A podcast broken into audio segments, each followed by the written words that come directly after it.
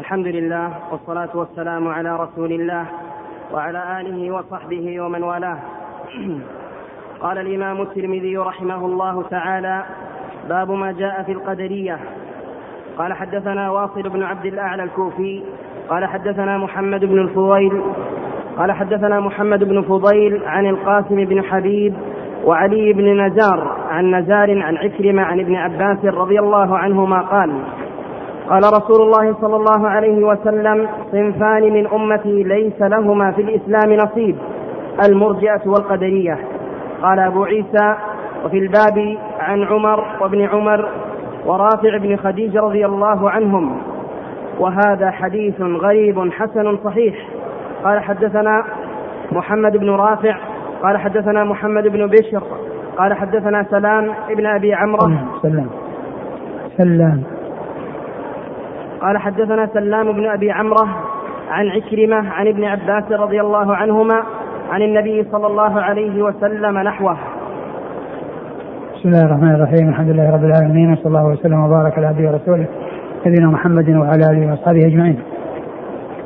أما بعد فيقول الإمام أبو عيسى الترمذي رحمه الله في جامعة باب ما جاء في القدرية.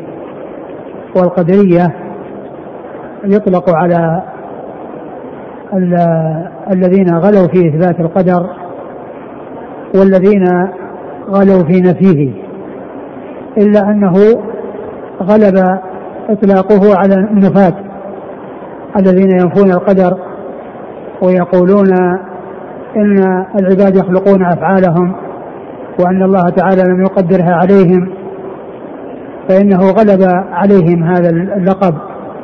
وإن كان أيضا يطلق على الجبرية الذين غلوا في إثباته وقالوا إن أن العبد مجبور على حركاته وعلى أفعاله وأنه ليس له مشيئة ولا اختيار إلا أنه غلب في الاستعمال والإطلاق على النفاة الذين ينفون القدر ويقولون إن العباد يخلقون أفعالهم وأن الله تعالى لم يقدرها عليهم.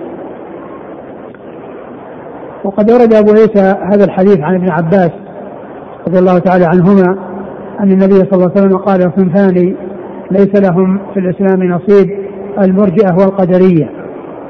والقدرية هم الذين قلنا أنهم ينفون القدر.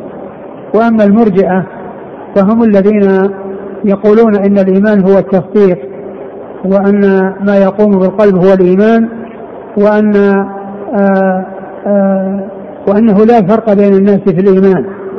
فأتقى الناس وأفجر الناس كلهم متساوون في الإيمان ويعتبرون كامل الإيمان وعندهم لا يضر مع الإيمان ذنب كما لا ينفع مع الكفر طاعة. فهؤلاء المرجئة مفرطون. ويقابلهم الخوارج المعتزلة المفرطون الذين يقولون بتقليد مرتكب الكبيرة يعني في في النار وأنه مخلد في النار والخوارج يقولون إنه كافر والمعتزلة يقولون خرج من الإيمان ولم يدخل في الكفر والنتيجة واحدة يعني أنه ليس من أهل الإسلام وليس من أهل الإيمان. فالمرجئه فرطوا وجعلوا أنه لا فرق بين من يكون مؤمن مستقيم ومن يكون كثير العصيان لأن عندهم أنه لا يضر مع الإيمان ذنب. فالذنوب لا تضر مع مع الإيمان ومع وجود الإيمان. كما أنه لا ينفع مع الكفر طاعة فإنه لا يضر مع الإيمان ذنب. ولا, شك أن هذا من أبطل الباطل وأقبح ما يكون من الرأي. ومعلوم أن الذنوب والمعاصي أنها تضر. و وأن هناك وأن الناس متفاوتون في الإيمان. وكيف يسوى بين المتقين وبين المجرمين وبين المؤمنين وبين المجرمين؟ لا لا ليس هذا يعني بمعقول ولا مقبول. ف يعني هذا الصنفان الذي جاء ذكرهم في هذا الحديث يقول إنه ليس لهم في الإسلام نصيب ولكن الحديث ضعيف لأن فيه ثلاثة ضعفاء. يعني فيه يعني ثلاثة ضعفاء في الإسناد الأول ثلاثة وفي الإسناد الثاني واحد. وهو حديث لا تقوم به حجة وغير ثابت عن رسول الله صلى الله عليه وسلم. والإسناد؟ قال حدثنا واصل بن عبد الأعلى الكوفي. واصل بن عبد الأعلى إيش قال فيه مسلم وأصحاب السنن ثقة. ثقة ولا مسلم وأصحاب السنن. والثاني؟ محمد بن فضيل. محمد بن فضيل هذا بن غزوان وهو صدوق أخرجه أصحاب كتب الستة. عن قاسم بن حبيب. وهذا لين الحديث أخرج له الترمذي. وعلي بن نزار وعلي بن نزار هذا ضعيف أخرج له الترمذي وابن ماجه. عن نزار ونزار أيضا ضعيف أخرج له الترمذي وابن ماجه. عن عكرمة عكرمة هو ابن عباس وهو ثقة أخرجه أصحاب كتب الستة. عن ابن عباس. وابن عباس عبد الله بن عباس بن عبد المطلب ابن عم النبي عليه الصلاة والسلام وأحد العباد الأربعة من الصحابة وأحد السبعة المكثرين من حديث رسول الله صلى الله عليه وسلم. قال أبو عيسى وفي الباب عن عمر عمر بن الخطاب أمير المؤمنين وثاني الخلفاء الراشدين الهادي المهديين صاحب المناقب الجمة والفضائل الكثيرة وحديثه عند أصحاب الكتب الستة. وابن عمر وابن عمر ابنه عبد الله بن عمر أحد العباد له الأربعة وأحد السبعة المكثرين من حديث رسول الله صلى الله عليه وسلم. ورافع بن خديج ورافع بن خديج أخرج له أصحاب الكتب الستة. قال حدثنا محمد بن رافع محمد بن رافع هو النسابوري وهو ثقة أخرج له أصحاب الكتب الستة إلا من ماجه وهو من شيوخ مسلم الذين أكثر الرواية عنهم وهو الذي آه، يروي من طريقه صحيفة همام المنبه التي آه، انتقى منها أحاديث كثيرة كلها بإسناد واحد وهي من روايته عن شيخه محمد بن رافع النيسابوري فهو نيسابوري قشيري وهو مثل الإمام مسلم رحمه الله من بلده. وأيضا ينتسب إلى قبيلته وهو ثقة أخرج أصحاب في الستة إلا ابن ماجه. عن محمد بن بشر. محمد بن بشر وهو ثقة أخرج أصحاب في الستة. عن سلام بن أبي عمرة. وهذا ضعيف أخرج له الترمذي. أخرجه الترمذي. عن عكرمة عن ابن عباس عكرمة عن ابن عباس رضي الله تعالى عنهما وقد مر ذكرهما في الإسناد الأول فإذا الحديث جاء من هذين الطريقين والأول فيه ثلاث ضعفاء وهذا فيه ضعيف قال باب حدثنا أبو هريرة محمد بن فراس البصري قال حدثنا أبو قتيبة قال حدثنا أبو العوام عن قتادة عن مطرف بن عبد الله بن الشخير عن أبيه عن النبي صلى الله عليه وسلم قال مثل ابن آدم وإلى جنبه تسع وتسعون منية. إن أخطأته المنايا وقع في الهرم حتى يموت. قال أبو عيسى وهذا حديث حسن غريب لا نعرفه إلا من هذا الوجه وأبو العوام هو عمران وهو ابن وهو ابن داوود القطان. من داور هو عمران من داور. وهو عمران وهو ابن داور القطان. نعم. ثم أورد أبو عيسى باب وهذا يعني عادة يعني يكون كالفصل من الذي قبله وكالفصل من الذي قبله. والفصل الأول الباب الأول هو القدرية. هذا لا يتضح يعني آه، مناسبته أو كونه يعني متصل بالباب الذي قبله. ويعني يقول فيه الصحابي من هو؟ الصحابي؟ الشخير. عبد الله بن الشخير. عبد الله بن الشخير رضي الله عنه يقول ان إن مثل مثل المؤمن آه، وإلى جنبه تسع وتسعون منية إن أخطأته هذه فإن فإن إن أخطأته إن أخطأته هذه المنايا فإنه لا يخطئه الهرم. يعني معنى هذا الحديث أن ال ال ال الإنسان يعني له نهاية ينتهي إليها وهي الموت وهذا الموت آه، يعني لا بد منه وإذا لم يحصل بأسباب آه، قبل الهرم فإنه يحصل عند الهرم. فهو يعني مثله مثل الذي عنده تسع إلى جنبه تسع وتسعون منية. والمقصود بالمنية يعني الأسباب التي توصل إلى المنايا. كأن يكون ينفل يحصل له حريق فيسلم أو يحصل له يعني هدم ويسلم أو يحصل له غرق ويسلم أو يحصل له يعني آه، آه، سقوط من شاهق فيسلم. فكل هذه من أسباب المنايا. فإذا حصل للإنسان يعني شيء من هذه الأمور التي قد تنتهي به إلى الوفاة وإذا انتهى إلى أجل فإذا أخطأته هذه المنايا أو هذه الأسباب للمنايا فإنه لا يخطئه الهرم وأن يموت بسبب الهرم لأن ال ال الإنسان له أجل ولا بد أن ينتهي إليه. فإن انتهى إليه في سن مبكرة وإلا فإنه ينتهي بعدما يهرم. وبعدما يعني يضعف وعندما يرد إلى أرض العمر فإنه ينتهي عند ذلك.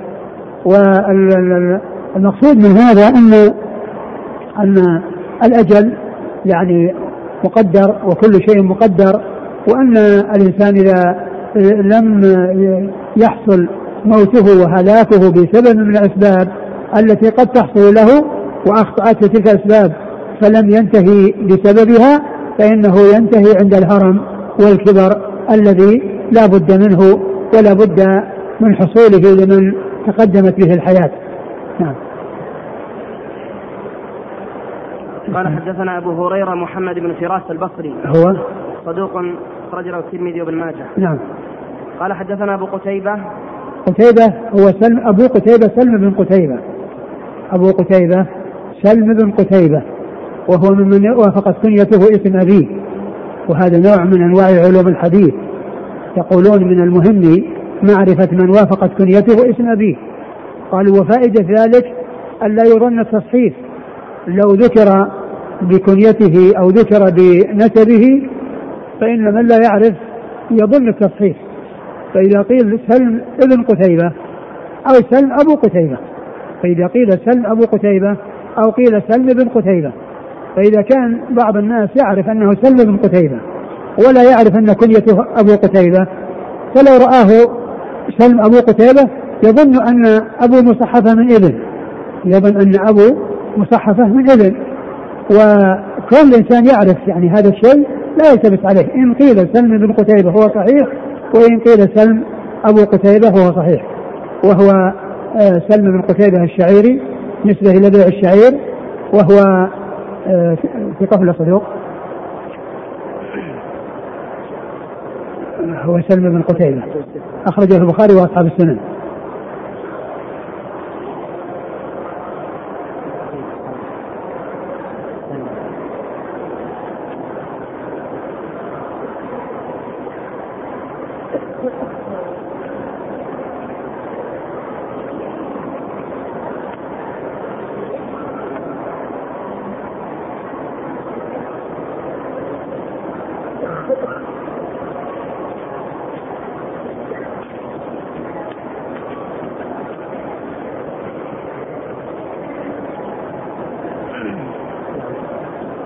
اسمه سلم نعم. صدوق. صدوق؟ أخرجه البخاري وأصحاب السنن؟ نعم صدوق أخرجه البخاري وأصحاب السنن. وهذا هو الذي ذكر في ترجمته يعني عبارة يعني فيها يعني كلام فيه. قال قال فيه يحيى بن سعيد القطان ليس من جمال المحامل. ليس من جمال المحامل. يعني يعني جمال المحامل يعني يعني آه يعني مدح لأن الجمال التي تحمل الأشياء يعني هذه ممدوحة. فالذي يكون عنده قدرة وعنده آه يعني آه آه فضل وعنده كذا يعني آه يعني يصير, يصير يعني محمودا. وإذا لم يكن كذلك يصير شيء عنده من النقص فقوله ليس من جمال المحامل يعني ليس بذاك القوي جدا. نعم. عن ابي العوام ابي العوام هو عمران بن داور وهو صدوق.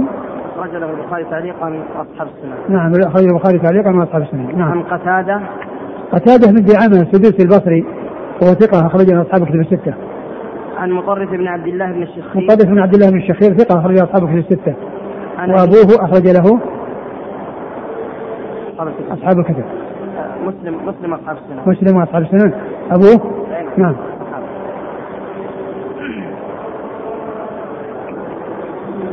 بعده قال باب ما جاء في الرضا بالقضاء. قال حدثنا محمد بن بشار. قال حدثنا أبو عامر عن محمد بن أبي حميد عن إسماعيل بن محمد بن سعد بن أبي وقاص عن أبيه عن سعد رضي الله عنه قال قال رسول الله صلى الله عليه وعلى آله وسلم من سعادة ابن آدم رضاه بما قضى الله له ومن شقاوة ابن آدم تركه استخارة الله. تركه استخارة الله ومن شقاوة ابن آدم سخطه بما قضى الله له. قال أبو عيسى هذا حديث غريب لا نعرف لا نعرفه إلا من حديث محمد بن أبي حميد. ويقال له أيضا حماد بن أبي حميد وهو أبو إبراهيم المدني وليس هو بالقوي عند أهل الحديث. ثم أرد أبو عيسى باب في الرضا بالقضاء. يعني كل إنسان يعني يرضى بما قدر الله له ولا يتسخط. وقد جاء في حديث أبي هريرة الذي رواه مسلم في صحيحه عن النبي عليه الصلاة والسلام قال المؤمن القوي خير واحب إلى الله من المؤمن الضعيف. وفي كل خير. احرص على ما ينفعك واستعن بالله ولا تعجز. وإن أصابك شيء فلا تقل لو أني فعلت لكان كذا وكذا. فيتسخط ويعني يحصل منه يعني آه، عدم رضا بالقضاء. لو أني فعلت لكان كذا وكذا. ولكن قل قدر الله وما شاء فعل فإن لو تفتح عمل الشيطان. فالإنسان أمام الأقدار ليس أمامه إلا أن يرضى بما قدر الله له. ومن رضي فله الرضا ومن سخط له السخط.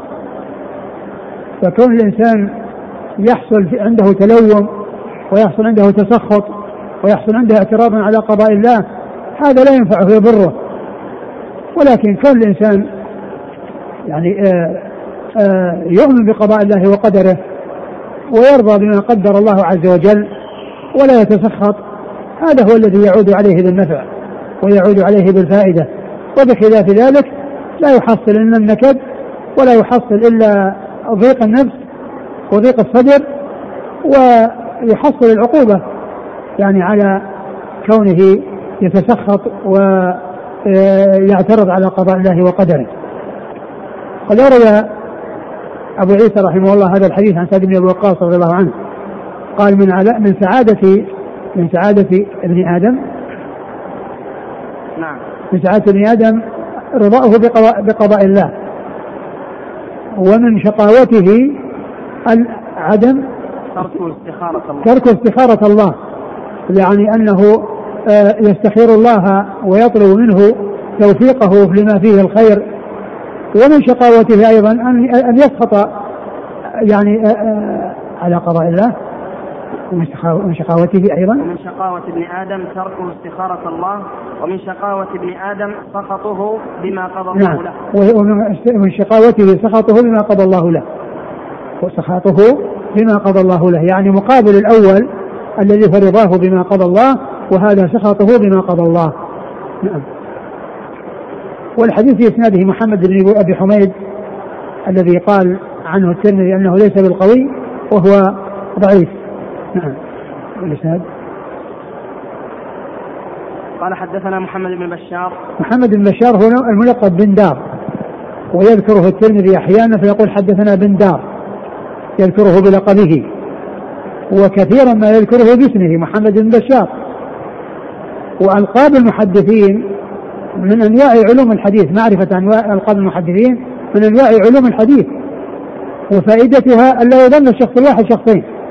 لو ذكر باسمه في موضع ثم ذكر في بلقبه في موضع آخر الذي لا يعرف يظن هذا شخص وهذا شخص. لكن من يعرف أن محمد بن بشار لقبه بن دار سواء وجد في الإسناد محمد بن بشار أو وجد بن دارا فإنه شخص واحد. لا يلتبس على من يعرف ذلك ولهذا فإن معرفة ألقاب المحدثين من الأمور المهمة وفائدتها أو فائدة معرفتها ألا يظن شخص واحد شخصين فيما إذا ذكر باسمه مرة وذكر بلقبه آه، مرة أخرى أو في موضع آخر. وهو أي محمد بن بشار آه، أخرج له أصحاب الكتب الستة بل هو شيخ لأصحاب الكتب الستة رووا عنه مباشرة وبدون واسطة. عن أبي عامر. عن أبي عامر العقدي وهو هو أخرجه أصحاب الكتب الستة وهو إما ثقة أو صدوق.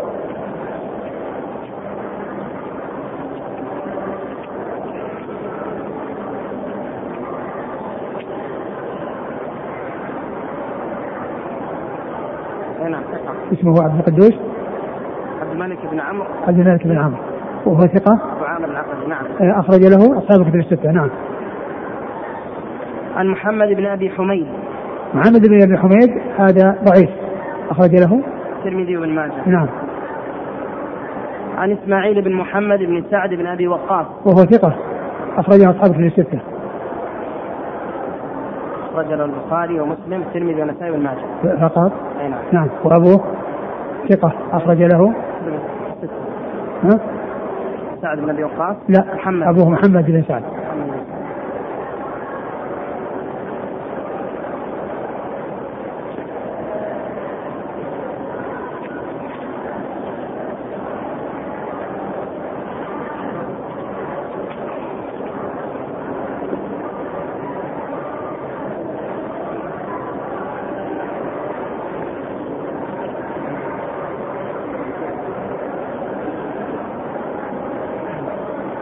نعم ثقة. أخرج له. البخاري ومسلم و أبو داود في المراسيل والترمذي والنسائي بن ماجه. نعم. وأبوه سعد بن أبي وقاص أحد العشرة المبشرين بالجنة رضي الله عنه وحديثه أخرجه أصحابه في الستة وكل العشرة المبشرين بالجنة أخرجهم أصحابه في الستة. أبو بكر وعمر وعثمان وعلي والزبير وطلحة وسعد وسعيد وأبو عبيدة وعبد الرحمن بن عوف.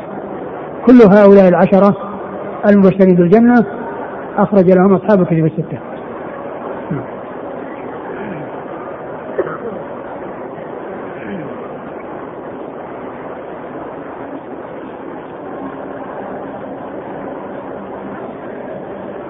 قال أبو عيسى هذا حديث غريب لا نعرفه إلا من حديث محمد بن أبي حميد. ويقال له أيضا حماد بن أبي حميد وهو أبو إبراهيم المدني وليس هو بالقوي عند أهل الحديث. نعم. قال باب حدثنا محمد بن بشار حدثنا أبو عاصم حد قال حدثنا حيوة بن شريح قال أخبرني أبو صخر قال حدثني نافع عن ابن عمر رضي الله عنهما عمر. عن ابن عمر رضي الله عنهما جاءه رجل فقال إن فلانا يقرأ عليك السلام فقال له إنه بلغني أنه قد أحدث فإن كان قد أحدث فلا تقرئه مني السلام فإني سمعت رسول الله صلى الله عليه وعلى آله وسلم يقول يكون في هذه الأمة أو في أمتي الشك منه خسف أو مسخ أو قذف في أهل القدر. قال أبو عيسى هذا حديث حسن صحيح غريب وأبو صخر اسمه حميد بن زياد. ثم انتهى؟ نعم. انتهى الحديث؟ الإسناد الثاني مثله نعم اقرأ. قال حدثني قال حدثنا قتيبة قال حدثنا رشدين بن سعد عن أبي صخر حميد بن زياد عن نافع عن ابن عمر عن ابن عمر رض- رضي الله عنهما عن النبي صلى الله عليه وعلى آله وسلم. يكون في أمتي خسف ومسخ وذلك في المكذبين بالقدر. ثم ورد أبو عيسى هذا هذا الحديث عن عبد الله بن عمر رضي الله تعالى عنهما أن رجلا أخبره بأن فلان يقرأ عليه السلام فقال إذا يعني وصلت إليه أو إذا جئت إليه فلا فلا تقره مني السلام لانني لأنني بلغني أنه قد احدث بلغني أنه قد أحدث. ثم ساق الحديث الذي فيه يقول يكون في أمتي يعني مسخ وخسف وقذف ثم قال إيش بعده؟ بعد القذف. يعني في المكذبين في القدر. إيش العباره؟ قال أو قذف في أهل القدر. أو قذف في أهل القدر. يعني ال- المسخ هو تغيير الصورة.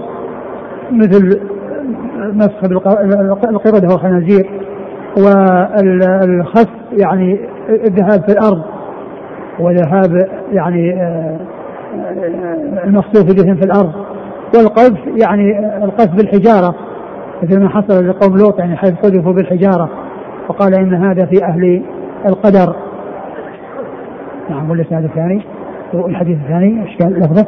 قال يكون في أمتي خسف ومسخ وذلك في المكذبين بالقدر. نعم يعني وذلك يعني هناك مثل الذي قبله وهنا ذكر المكذبين بالقدر. وفيه ذكر الاثنين من الثلاثة الذي هو خسف ونسخ. والإسناد؟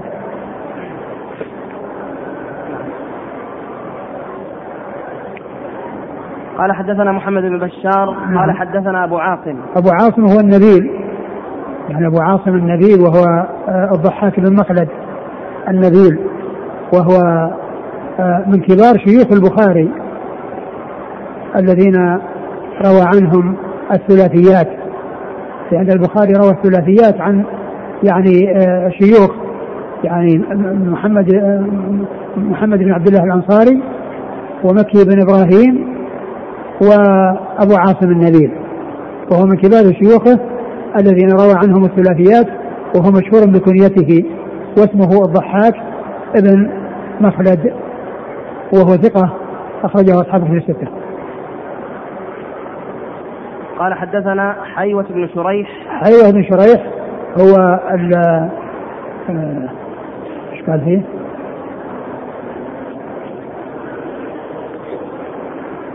حيوة بن شريح اثنين واحد مصري والثاني آه، حمصي.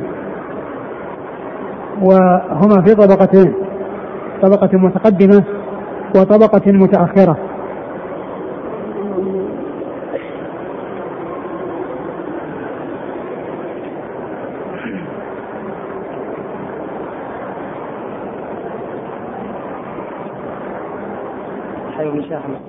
حيوة. حيوة ها؟ النصري يكون ولا طبقته وش؟ المصري طبقته؟ من السابعة. هذا هو المصري هو هو المتقدم. وأما ذاك طبقة متأخرة الحضرمي الحضرمي الحمصي وش طبقة إيش قال فيه؟ الحمصي ثقة رجل وكتب ستة من من طبقة إيش؟ أه. لا الثاني الحمصي الحضرمي يا شيخ من العاشرة.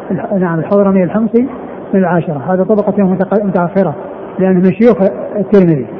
وأما هذا فهو متقدم وهو من من, يعني بينه وبينه واسطتان. واسطتان. واخرج وقال عن ثقة المصري. نعم. أخرج له كتب أخرج له؟ كتب الستة أصحاب كتب الستة نعم.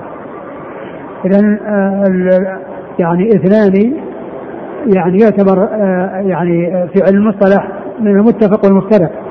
وهي أن تتفق أسماء الرواة وأسماء آبائهم وتختلف أشخاصهم. ويعني وهم متفاوتون في الطبقة. فالحمصي حيوة بن شريح في الطبقة العاشرة من طبقة الشيخ الترمذي. وأما حيوة بن شريح المصري فبينه وبينه واسطتان. بينه وبينه واسطتان. وهو من طبقة متقدمة. نعم. عن حيوة بن شريح عن عن أبي صخر. نعم عن أبي صخر. عن أبي صخر وهو زياد بن عندك زياد بن؟ حميد بن زياد. حميد بن زياد وهو صدوق يهم. شوف إيش قال فيه. أخرج له. صدوق يهم. تريد نعم من أخرج له؟ ما أدري. البخاري في الأدب البخاري في الأدب المفرد ومسلم والترمذي أبو داود الترمذي والنسائي في مسند علي وابن ماجه. يعني قال أبو, أبو صخر؟ حميد بن بن زياد؟ حميد بن زياد نعم. أبو صخر؟ أي نعم. إيش قال؟ صدوق يهم؟ صدوق يهم. نعم. طيب عن عن؟ قال حد قال حدثني نافع. نافع هو مولى بن عمر هو ثقة أخرج أصحابه في الستة وعبد الله بن عمر أحد العبادلة الأربعة وأحد السبعة المكثرين من حديث رسول الله صلى الله عليه وسلم. والإسناد الثاني قتيبة. قتيبة بن سعيد. بن جميل بن طريف البغلاني وهو ثقة أخرجه أصحابه في الستة. عن بن سعد. وهو يعني آه، شيخ لخمسة من أصحاب الكتب الستة. يعني ليس ليس ليس شيخا لأصحاب الكتب الستة وإنما شيخ لخمسة منهم. وهم من عدا ابن ماجه. وهم من عدا ابن ماجه.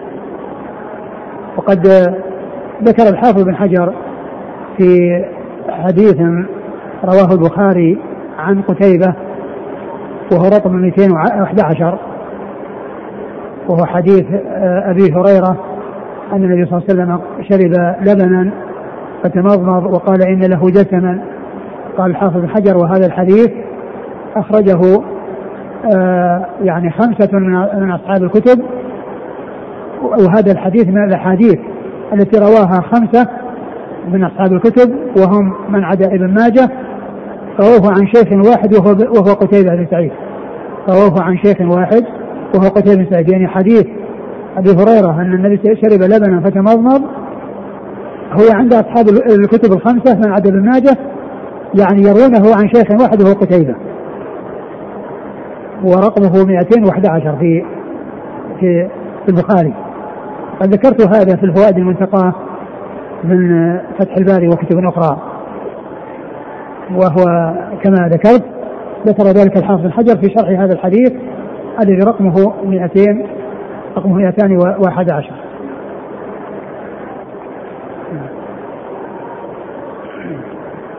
عن؟ عن رشدين بن سعد. رشدين بن سعد هذا آه قال إيش؟ ضعيف. ضعيف. أخرجه الترمذي وابن ماجه. أخرجه الترمذي وابن ماجه. وهذا هو الذي جاء في إسناد الحديث الذي الماء طهور إلا ما غلب على لونه أو طعمه أو ريحه. لأن هذه الزيادة التي هي ما غلب على لونه أو طعمه أو ريحه هذه جاءت من طريق رشدين بن سعد. وهو ضعيف ولكن معناها مجمع عليه. أجمع عليه العلماء على أنه إذا تغير يعني بنجاسة طعما أو لونا أو ريحة فإنه لا فإنه يكون نجسا. نعم. عن أبي صخر حميد بن زياد عن نافع عن ابن عمر رضي الله عنهما عن نعم. النبي صلى الله عليه وسلم. نعم. بعده.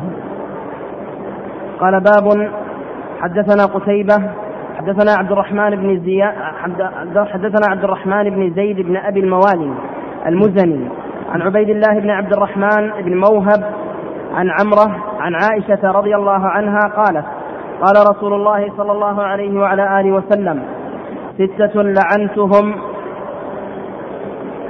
لعنهم الله. ستة لعنتهم لعنهم الله وكل نبي. إيش؟ ولعنهم كل نبي. كيف كل نبي؟ ولعنهم كل نبي. فيه الله؟ ستة لعنتهم لعنهم الله وكل نبي. نعم. وكل نبي نعم. وكل نبي كان. نعم. الزائد في كتاب الله والمكذب بقدر الله. والمتسلط بالجبروت لي ليعز بذلك من ليعز. بذلك من أذل الله. ويذل من أعز الله والمستحل لحرم الله والمستحل من عشرة ما حرم الله والتارك لسنتي. قال أبو عيسى هكذا روى عبد الرحمن بن أبي الموالي هذا الحديث. عن عبيد الله بن عبد الرحمن بن موهب عن عمرة عن عائشة رضي الله عنها عن النبي صلى الله عليه وسلم. ورواه سفيان الثوري وحفص بن غياث وغير واحد عن عبيد الله بن عبد الرحمن بن موهب. عن علي بن حس... عن علي بن الحسين عن النبي صلى الله عليه وعلى آله وسلم مرسلا وهذا أصح. ثم أورد آه، أبو عيسى هذا الحديث الذي فيه هؤلاء الستة الذين لعنهم الرسول صلى الله عليه وسلم. ولعنهم الله وكل نبي كان من أنبياء الله عز وجل. يعني لعنوا هؤلاء الستة الذين جاء ذكرهم في هذا الحديث.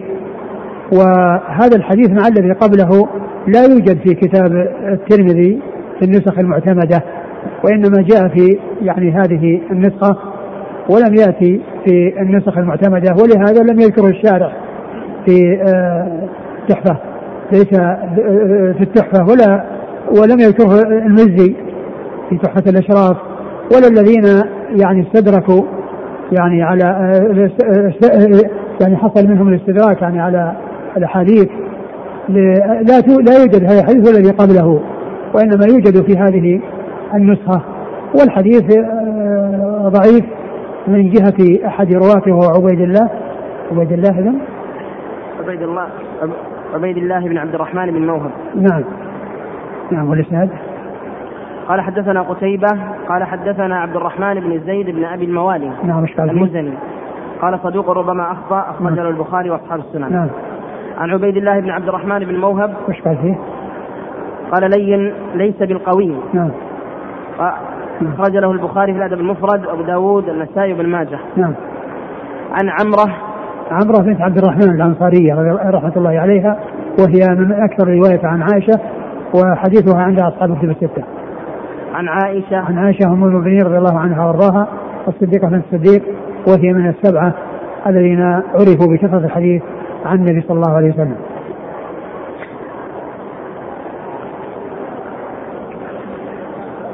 قال هكذا روى عبد الرحمن بن أبي الموالي هذا الحديث عن عبيد الله بن عبد الرحمن بن موهب عن عمرة عن عائشة عن النبي صلى الله عليه وسلم ورواه سفيان الثوري.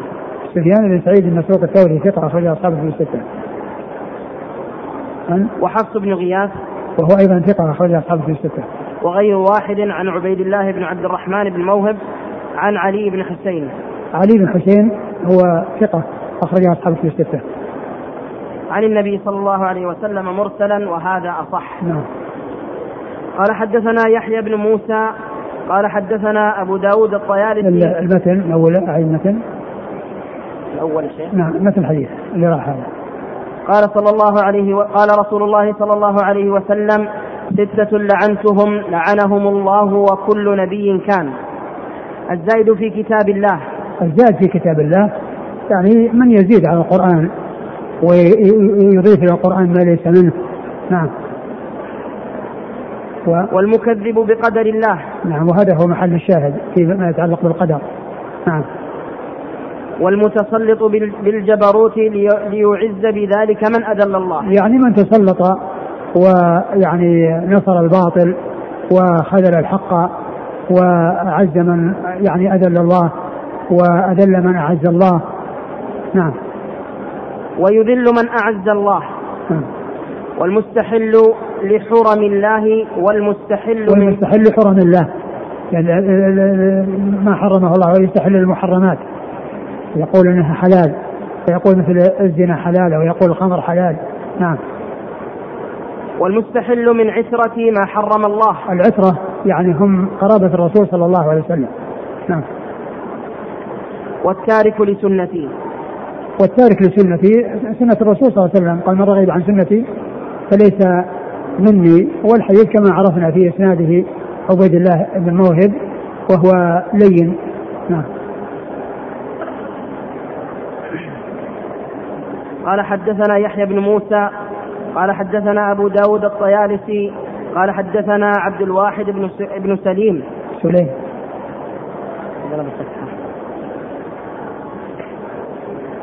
قال قدمت مكة فلقيت عطاء بن أبي رباح فقلت له يا أبا, يا أبا محمد.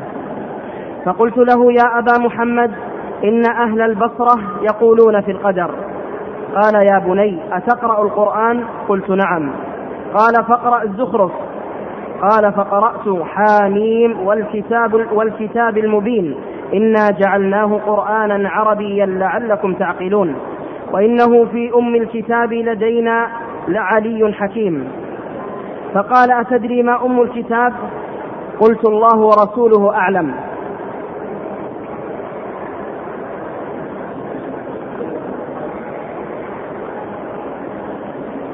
قال فإنه كتاب كتبه الله قبل أن يخلق السماوات وقبل أن يخلق الأرض. فيه إن فرعون من أهل النار وفيه ثبت يدا أبي لهب وتب قال عطاء فلقيت الوليد بن عبادة بن الصامت صاحب رسول الله صلى الله عليه وسلم. صاحب نعم. الوليد بن عبادة بن الصامت. من صاحب عبادة نعم. صاحبي فلقيت الوليد بن فلقيت الوليد بن عبادة نعم. صاحب رسول الله صلى الله عليه وسلم فسألته ما كان وصية أبيك عند الموت قال دعا قال دعاني أبي فقال لي يا بني اتق الله واعلم إنك لن تتق الله حتى واعلم أنك واعلم أنك لن تتق الله حتى تؤمن بالله وتؤمن بالقدر كله خيره وشره فإن مت على غير هذا دخلت النار. إني سمعت رسول الله صلى الله عليه وسلم يقول إن أول ما خلق الله القلم قال اكتب. فقال اكتب. فقال ما أكتب؟ قال اكتب القدر. ما كان وما هو كائن إلى الأبد. قال أبو عيسى وهذا حديث غريب من هذا الوجه.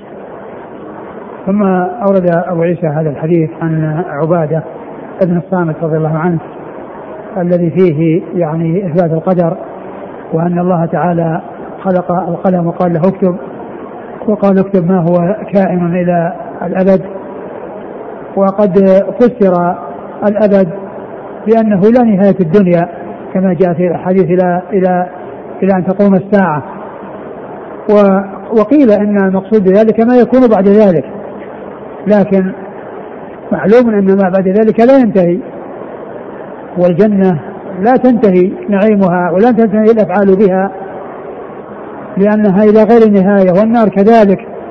ومعلوم أن اللوح المحفوظ له بداية وله نهاية. يعني فكون المقصود كما جاء في بعض الأحاديث إلى يوم القيامة هو الأقرب وهو الأولى. يعني من جهة أن أنه أن الأمور يوم القيامة كلها منتهية. وأما بالنسبة لما بعد يوم ما بعد يوم القيامة فإن ذلك مستمر. إلى غير نهايه الجنة مستمرة إلى غير نهايه وأهلها وافعال يعني وتلذذهم وتنعمهم فيها إلى غير نهايه وحركاتهم فيها إلى غير نهايه وكذلك النار أهلها فيها إلى غير نهايه فتفسيره بما يتفق مع الأحاديث الأخرى التي فيها ذكر إلى أن تقوم الساعة هو هو الأقرب. أعد المتن قال لقيت عطاء. قال قدمت مكة فلقيت عطاء بن أبي رباح. فقلت له يا أبا محمد إن أهل البصرة يقولون في القدر. قال يا بني أتقرأ القرآن؟ قلت نعم. قال فاقرأ الزخرف. قال فقرأت حاميم والكتاب المبين. إنا جعلناه قرآنا عربيا لعلكم تعقلون وإنه في أم الكتاب لدينا لعلي حكيم. فقال أتدري ما, ما أم القرآن؟ أم الكتاب. قال أتدري ما أم الكتاب؟ قلت الله ورسوله أعلم. قال فإنه كتاب كتبه الله قبل أن يخلق قبل أن يخلق السماوات وقبل أن يخلق الأرض. فيه إن فرعون من أهل النار وفيه تبت يد أبي لهب وتب. المقصود أن أم الكتاب هو اللوح المحفوظ الذي يعني كتب فيه يعني كل ما هو كائن إلى يوم القيامة. وفيه يعني من يكون شقيا ومن يكون سعيدا وفيه يعني شقاوة فرعون وفيه شقاوة أبي لهب وغير ذلك وكل ذلك سبق به القضاء والقدر. والمقصود ذلك أن أن عطاء لما ذكر له ناس يكذبون في القدر قال إن اللوح المحفوظ يعني فيه آه، ما قدره الله عز وجل وفيه آه، شقاوة أبي لهب وفيه شقاوة فرعون وكل ذلك سبق به القضاء والقدر. وكل ما هو كائن إلى يوم القيامة فإنه مما قدره الله عز وجل وقضاه فالمتعين والواجب هو الإيمان بالقدر وأن كل شيء بقضاء وقدر كما قال الله عز وجل إن كل شيء خلقناه بقدر. نعم. قال فلقيت الوليد بن عبادة بن الصامت صاحب رسول الله صلى الله عليه وسلم فسألته ما كان وصية أبيك عند الموت؟ قال دعاني أبي فقال لي يا بني اتق الله واعلم أنك لن تتق الله حتى تؤمن بالله وتؤمن بالقدر كله خيره وشره. قوله اتق الله يعني هذه وصية عظيمة وهي وصية الله الأولين والآخرين. قال الله عز وجل ولقد وصينا الذين أوتوا من قبلكم وإياكم أن اتقوا الله. وهي أعظم شيء يصابه وأهم شيء يصابه. لأن تقوى الله فيها سعاده الدنيا وسعادة الآخرة. فيها سعادة الله وسعاده سعادة الآخرة. ولهذا يأتي الوصية بالتقوى ويضاف إليها ما يراد أن يصابه. يعني فيكون من قبيل ذكر الخاص بعد العام ولهذا النبي صلى الله عليه وسلم كان إذا أمر أميرا على الجيش أوصاه بتقوى الله. ومن معه من المسلمين خيرا ثم قال اغزوا بسم الله. فأول شيء يبدأ به الوصية بالتقوى. تقوى الله عز وجل لأن تقوى الله هي, جماع كل خير وهي أساس كل خير. وتقوى الله عز وجل آه تكون بطاعته بامتثال ما أمر به واجتناب ما نهى عنه. الطاعة الاستسلام والانقياد لفعل كل مأمور والانتهاء والابتعاد عن كل محظور. اتق الله. وأنك لن تتقي الله حتى تؤمن بالقدر حتى تؤمن بالله وتؤمن بالقدر يعني أن من تقوى الله عز وجل أن تؤمن بالقدر. لأن تقوى الله عز وجل تكون بالتصديق في الأخبار وتكون بامتثال الأوامر واجتناب النواهي. وأن يعبد الله طبقا لما جاء به رسول الله صلى الله عليه وسلم هذه تقوى الله. أن تجعل بينك وبين غضب الله وقايه تقيك منه. وذلك بأن تصدق بكل خبر جاء عن الله وعن رسوله صلى الله عليه وسلم. وتفعل الأوامر التي أمر بها الله ورسوله عليه الصلاة والسلام وتنتهي عن النواهي التي نهى عنها الله ورسوله صلى الله عليه وسلم وان تكون عبادتك لله مطابقة لما جاء به رسول الله صلى الله عليه وسلم وهذا هو معنى شهادة أن محمد رسول الله لأن معنى شهادة أن محمد رسول الله كما قال الشيخ محمد الوهاب رحمه الله في الاصول الثلاثة يقول طاعته فيما أمر وتصديقه فيما أخبر واجتناب ما نهى عنه وزجر والا يعبد الله إلا بما شرع. نعم. فإن مت على غير هذا دخلت النار. نعم. إني سمعت رسول الله رسول الله صلى الله عليه وسلم يقول إن أول ما خلق الله القلم فقال اكتب. فقال ما أكتب؟ قال اكتب. قال اكتب القدر. ما كان وما هو كائن إلى الأبد. نعم. يعني القدر يعني الله سبحانه وتعالى قدر مقادير الخلائق وكتب ذلك في اللوح المحفوظ قبل خلق السماوات والأرض بخمسين ألف سنة. نعم. الإسناد قال حدثنا يحيى بن موسى. هو؟ ثقة أخرج البخاري أبو داود الترمذي والنسائي. نعم. قال حدثنا أبو داود الطيالسي. وهو سليمان بن داود ثقة أخرج البخاري تعليقا ومسلم وأصحاب السنة. عن عبد الواحد بن سليم. وهو؟ ضعيف أخرج له الترمذي. نعم. لكن له شواهد الحديث هذا يعني له شواهد يعني تدل يعني على ما دل عليه. من جهة أن الله تعالى كتب مقادير الخلائق قبل خلق السماوات والأرض. ويعني آه، فهذا وإن كان في هذا الضعيف إلا أنه له شواهد تدل على ما دل عليه. نعم. عن عطاء بن أبي رباح. وهو المكي وهو ثقة أخرجها أصحاب كتب الستة. عن الوليد بن عب... بن عبادة بن الصامت. وهو شوف إيش قال فيه.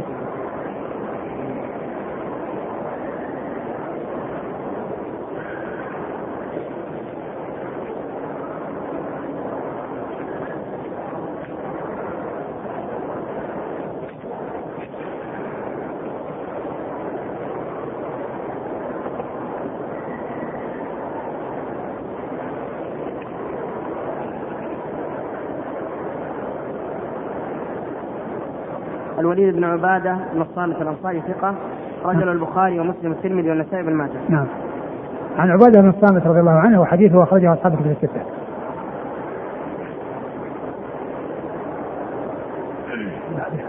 قال باب قال حدثنا إبراهيم بن عبد الله بن المنذر الباهلي الصنعاني قال حدثنا عبد الله بن يزيد المقري قال حدثنا حيوى بن شريح قال حدثني أبو هانئ الخولاني أنه سمع أبا عبد الرحمن الحبلي. أقول ما أدري هي إلا مشددة أو مخففة هذا شيء لم نهتدي إليه حتى الآن. يعني أنه سمع أبا عبد الرحمن الحبلي. يقول أقول ما ندري هي الحبلي ولا الحبلي؟ يعني الحاء يعني والباء ضبطت بالضم وأما اللام فلم نجد أحدا تعرض لها. هل هي مخففة أو مثقلة نعم. يقول سمعت عبد الله يقول سمعت عبد الله بن عمر رضي الله عنهما. سمعت يقول سمعت عبد الله بن عمر. عبد الله. عبد الله عبد الله بن عمر. عبد الله بن عمرو رضي الله عنه يقول سمعت رسول الله صلى الله عليه وسلم يقول قدر الله المقادير قبل أن يخلق السماوات والأرض بخمسين ألف سنة. قال أبو عيسى هذا حديث حسن صحيح غريب. ثم ورد حديث آه، عبد الله بن عمرو العاص رضي الله عنهما وهو من أخرجه مسلم في صحيحه قدر الله مقادير الخلائق قبل أن يخلق السماوات والأرض بخمسين ألف سنة وفي لفظ وكان عرشه على الماء. ويعني في هذا بيان سبق القضاء والقدر وأن الله تعالى قدر المقادير و يعني كتب في اللوح المحفوظ كل ما هو كائن يعني حيث يكون كم كما وكيفا ووقتا وزمنا. كل ذلك سبق به القضاء والقدر. قدر الله مقادير الخلائق قبل أن يخلق السماوات والأرض في خمسين ألف سنة. وهذا مثل قول الله عز وجل إن كل شيء خلقناه بقدر. إن كل شيء خلقناه بقدر. نعم. حدثنا؟ قال حدثنا إبراهيم بن عبد الله هذا؟ المنذر الباهلي الصنعاني هذا مستور أخرجه الترمذي. المستور هو مجهول الحال. ولكن الحديث رواه مسلم في صحيحه. يعني ففيه يعني مسلم رواه من طريق أخرى. نعم. عن عبد الله بن يزيد المقري. عبد الله بن يزيد المقري المكي وهو ثقة اخرجه أصحاب الكتب الستة. عن حيوى بن شريح. وهو المصري مر ذكره قريبا نعم. عن أبي هاني الخولاني. وهو؟ لا بأس به. رجل البخاري بالادب المفرد ومسلم وأصحاب السنن. نعم. أنه سمع أبا عبد الرحمن الحبلي. نعم. ثقة رجل البخاري البخاري في الأدب المفرد ومسلم وأصحاب السنن. نعم. عن عبد الله بن عمرو. رضي الله تعالى عنه وهو أحد العباد الأربعة من الصحابة وحديثه أخرجه أصحاب الكتب الستة. قال باب حدثنا أبو كريب.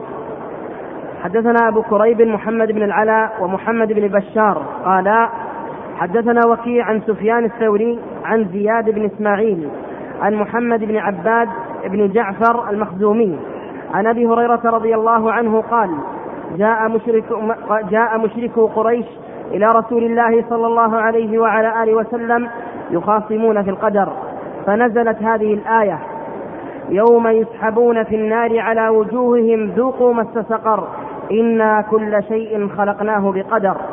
قال ابو عيسى هذا حديث صحيح. حدثنا قبي حدثنا قبيصه. قال حدثنا عبد الرحمن بن زيد الحديث المتقدم. ثم أورد أبو عيسى هذا الحديث عن عن الصحابي عن أبي هريرة نعم عن أبي هريرة رضي الله عنه أن مشركي قريش جاءوا إلى الإسلام يخاصمونه في القدر فأنزل الله عز وجل ويسحبون في النار على وجوههم ذوقوا مس سقر إن كل شيء خلقناه بقدر إن كل شيء خلقناه بقدر.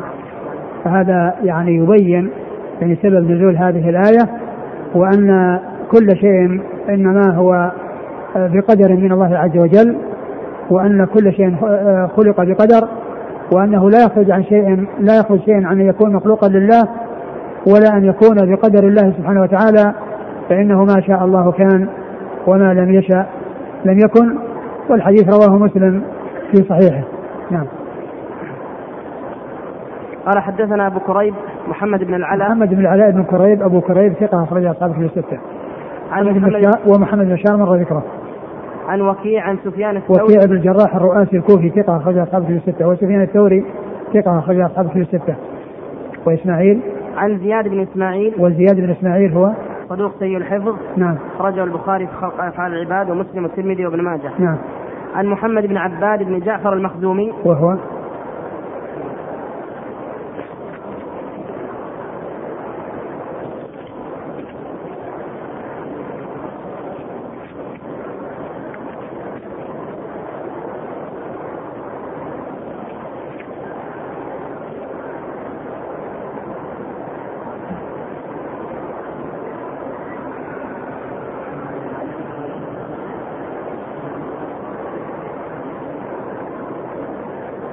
ثقة أخرج له كتب الستة. هذا الكتب نعم. عن أبي هريرة؟ عن أبي هريرة رضي الله عنه. عن أبي هريرة عبد الرحمن بن صخر الدوسي رضي الله عنه وهو أكثر الصحابة حديثا. بعدها قبيصة المثال الثاني. قال حدثنا قبيصة. قبيصة هو بن عقبة وهو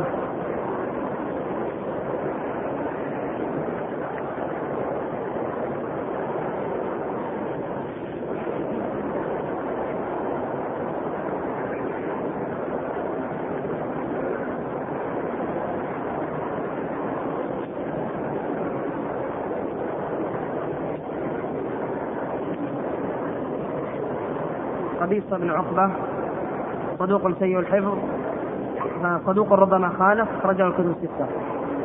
نعم بعدها عن عبد الرحمن بن زيد عن عبد الرحمن بن زيد إيه، وهو الذي مر ابن عبد الموالي مر قريبا نعم انتهى الباب قال سمى كتاب القدر. نعم والله تعالى أعلم وصلى الله وسلم وبارك على نبينا ورسوله نبينا محمد وعلى آله وأصحابه أجمعين.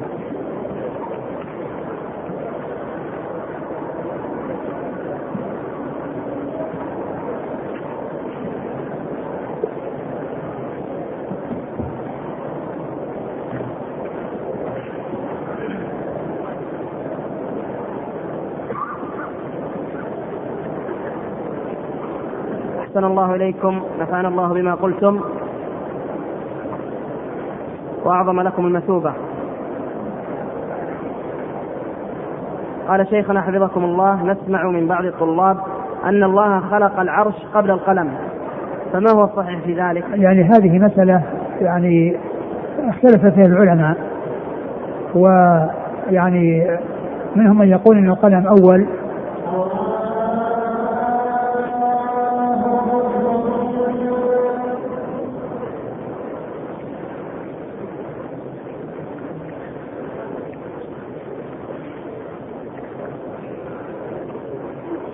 العلماء مختلفون هل العرش أول أو القلم أول. فمنهم من قال إن العرش أول لأن الحديث الذي في قدر الله مقادير الخلائق قبل خلق السماوات والأرض خمسين ألف سنة قال وكان عرشه على الماء. يعني أن العرش كان على الماء ويعني قدر الله المقادير وخلق له المحبوب وخلق القلم وكتب في اللوح المحفوظ كل ما هو كائن وكان ذلك بعد خلق العرش. ولهذا ابن القيم يقول في النونية والناس مختلفون في القلم في القلم الذي كتب القضاء به من الديان. هل كان قبل العرش أو هو بعده؟ قولان لأهل العلم معروفان. والحق أن العرش قبل لأنه قبل الكتابة كان ذا أركان. والحق أن العرش قبل لأن لأن لأنه قبل الكتابة كان ذا أركان فكون الله عز وجل كون, كون جاء في الحديث آه أن الله قدر مقادير الخلائق وكان عرشه على الماء يعني أن العرش والماء موجودان من قبل. يعني قبل أن يخلق القلم وقبل أن تحصل الكتابة. نعم. يقول السائل هل يصح حديث القدرية مجوس أمتي؟ ما أدري لا أدري. لكنهم لا شك هم مثل المجوس لأن المجوس أثبتوا خالقين مع الله وأن القدرية أثبتوا خالقين مع الله. يعني قالوا أن العباد يخلقون أفعالهم. و وقول الله عز وجل الله خالق كل شيء الله خالق كل شيء أخرجوا من هذا العموم أفعال العباد. وقالوا أن العباد يخلقون أفعالهم. وهم مع هذا الباطل الذي ذهبوا إليه يعني حول هذه الآية وهي إخراج أفعال العباد أن تكون داخلة تحتها. آآ آآ مع ذلك هم يقولون بأن القرآن مخلوق ويجعلونه من مخلوقات الله عز وجل ويدخلونه تحت عموم هذه الآية. فأدخلوا ما لا يصلح للإدخال وأخرجوا ما لا يصلح للإخراج. أدخلوا فيها ما لا يصلح للإدخال وهو كلام الله. الذي هو غير مخلوق قالوا إنه مخلوق. وأخرجوا منها أفعال العباد التي لا تصلح أن تخرج وقالوا إنها ليست مخلوقة لله وإنما هي مخلوقة للعباد. والله عز وجل يقول والله خلقكم وما تعملون. أي أنه خالق العباد وخالق أفعال العباد. والله عز وجل يقول الله خالق كل شيء ويقول وخلق كل شيء وهو بكل شيء عليم. وخلق كل شيء وهو بكل شيء عليم. فلا يخرج شيء من المخلوقات عن خلقه ولا يخرج شيء من المعلومات عن علمه. فعلمه محيط بكل شيء وقدرته عامة لكل شيء وكل شيء فهو من خلق الله عز وجل.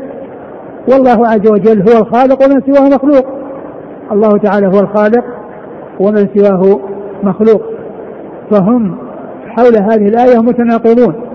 أدخلوا فيها ما لا يصلح إدخاله وهو كلام الله فقالوا إنه مخلوق وأخرجوا منها ما لا يصلح إخراجه وهو أفعال العباد التي قالوا أنها ليست مخلوقة لله وإنما هي مخلوقة للعباد. أحسن الله إليكم يقول السائل أليس أهل الكتاب أليس أم الكتاب؟ هي الفاتحة هي أم الكتاب اللي في القرآن. وأما أم الكتاب الذي آه، يعني آه، آه، فيه كل شيء هو اللوح المحفوظ. وأما أم القرآن وأم الكتاب هي الفاتحة. يعني فهي أم القرآن. ولكن يعني ذاك هو أم الكتب أم الكتاب الكتب وهو كل الكتب التي يعني آآ آآ يحصل تحصل بعده في الكتابة في العمر والكتابة. يعني في الكتابة اليومية والكتابة العمرية وما إلى ذلك كلها ترجع إلى أم الكتاب الذي هو اللوح المحفوظ الذي فيه خلق تقدير قبل خلق سنة الأرض ولهذا ذكره عطاء يعني مستدلا به على أن أن كل شيء في أم الكتاب وأن القرآن يعني هو في أم الكتاب عند الله عز وجل وأنه علي وأنه عظيم. وأنه متقدم على غيره من الكتب. يعني فأم الكتاب هي تطلق على اللوح المحفوظ وتطلق على آه، القرآن على فاتحة الكتاب وكل موضع بحسبه. فقول فقول الله عز وجل وإنه في أم الكتاب لدينا يعني ليس في الفاتحة وإنما هو في اللوح المحفوظ.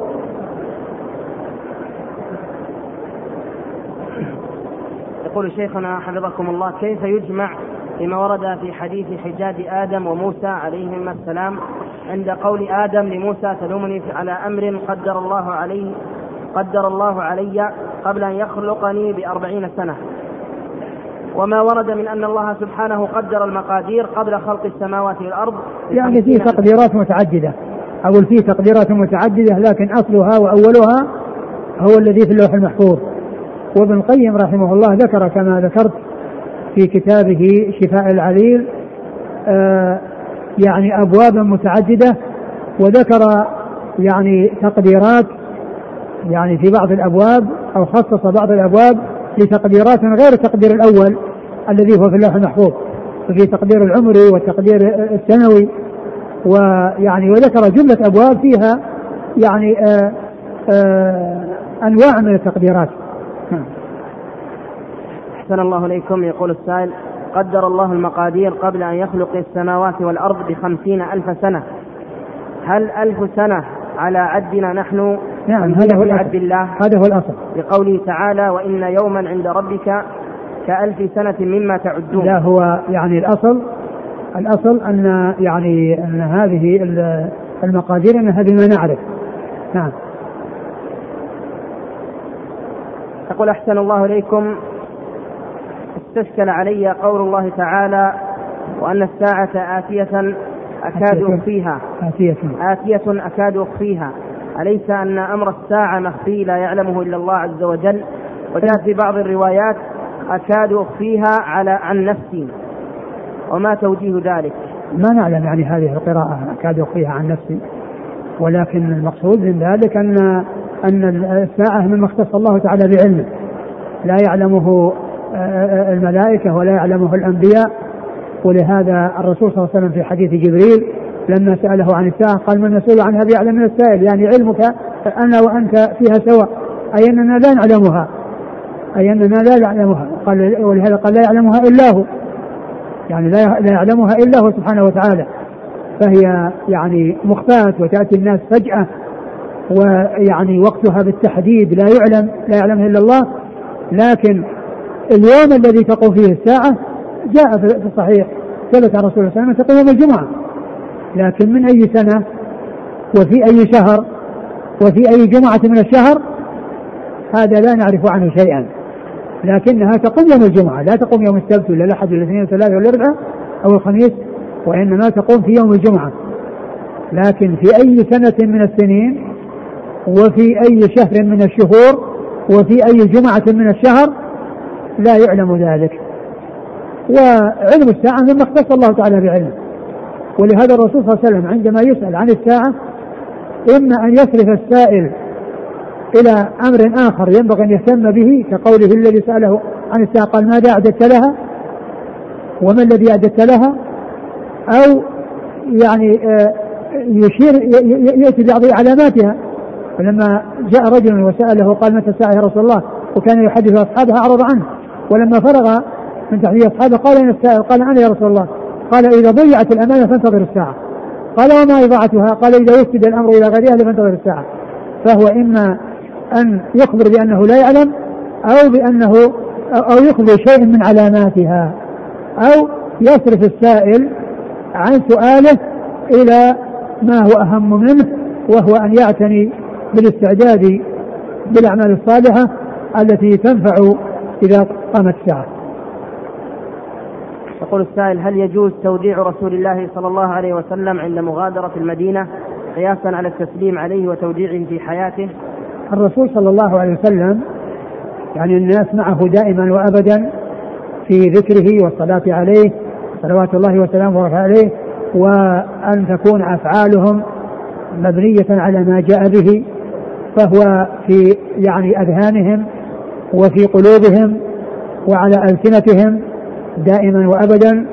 ولهذا الرسول صلى الله عليه وسلم لما يعني آه، آه، آه، قال عليه السلام في الحديث الصحيح لا تجعلوا بيوتكم قبورا ولا تتخذوا قبري قبري عيدا وصلوا علي فإن صلاتكم تبلغني حيث كنتم.